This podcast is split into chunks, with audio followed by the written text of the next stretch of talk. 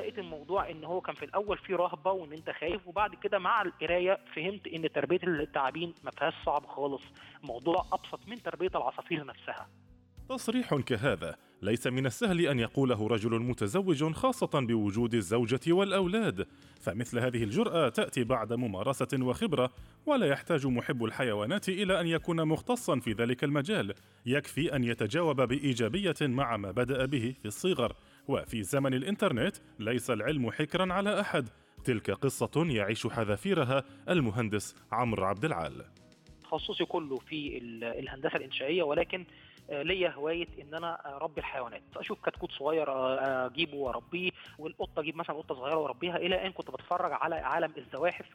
وكنت بشوف إن هو في إيه هو التعبان ده ليه خطر. قعدت لا يقل عن حوالي سنة كاملة كل هوايتي فقط إن أنا أقرأ إيه الموضوع التعبين.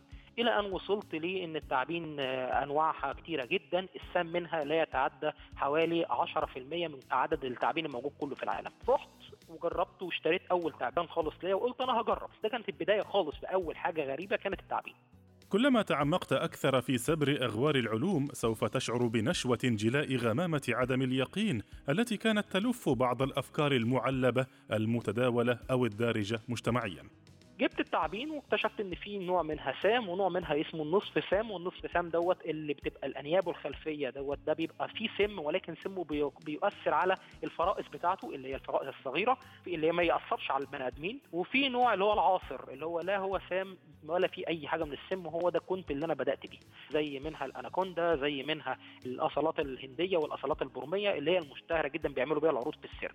جبتها فعلا ولقيت الموضوع إن هو كان في الأول فيه رهبة وإن أنت خايف وبعد كده مع القراية فهمت إن تربية التعابين ما فيهاش صعب خالص. موضوع أبسط من تربية العصافير نفسها. بالعكس ده التعبان مش مكلف كمان. بياكل مرة كل أسبوع وبياكل مرة ساعات كل أسبوعين وساعات بيوصل لشهر وشهرين بياكل مرة واحدة بس. بعد كل هذا إلى أين يمكن أن يصل شغف الأفاعي والسحالي هذا بمهندس إنشائي؟ عمرو أثبت فعلا أن لا حدود لطموح أي إنسان. بدات اكبرهم وبدات أجيب الذكر والأنثى وافرخ منهم وابيع لناس أكتر وازدادت دايره معارفي وبدأت اعرف الناس الهوية اللي تجيب التعابين الكبيرة وتربيها.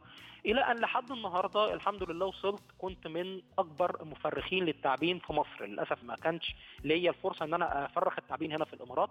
كل ذلك لم يكن سوى البداية. فعليا بدأ يسر بالتدرج نحو كائنات متطورة عن الأفاعي في ذكائها وتصرفاتها وحتى مستوى الخطر.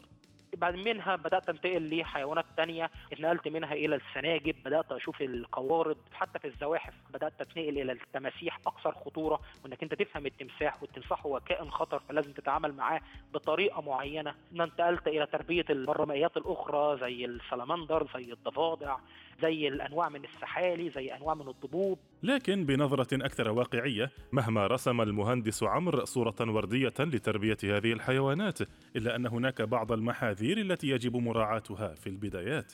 لتربية أي كائن حي تعرف البيئة اللي هتعملها له ما تروحش تجيب الحيوان إلا ما تعمل البيئة وتحضر له البيئة. اللي هيعيش فيها. اثنين مصدر الأكل اللي هياكل منه. ثلاثة المعلومات الكافية التامة والتدريب على إيد ناس ليها تجارب.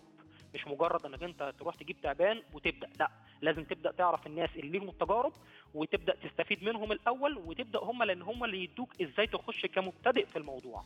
أنت ممكن تفتكر إن التعبان دوت للمبتدئين وهو مش للمبتدئين هو ليكن حجمه كبير مش هتعرف تسيطر عليه فهيأذيك لأنه أنت مش عارف تسيطر عليه المشكلة عندك مش عنده. فأنت لازم تتعلم على إيد خبراء هم اللي يقول لك إزاي تبدأ. دي أساسيات دخول لأي حاجة غير معروفة.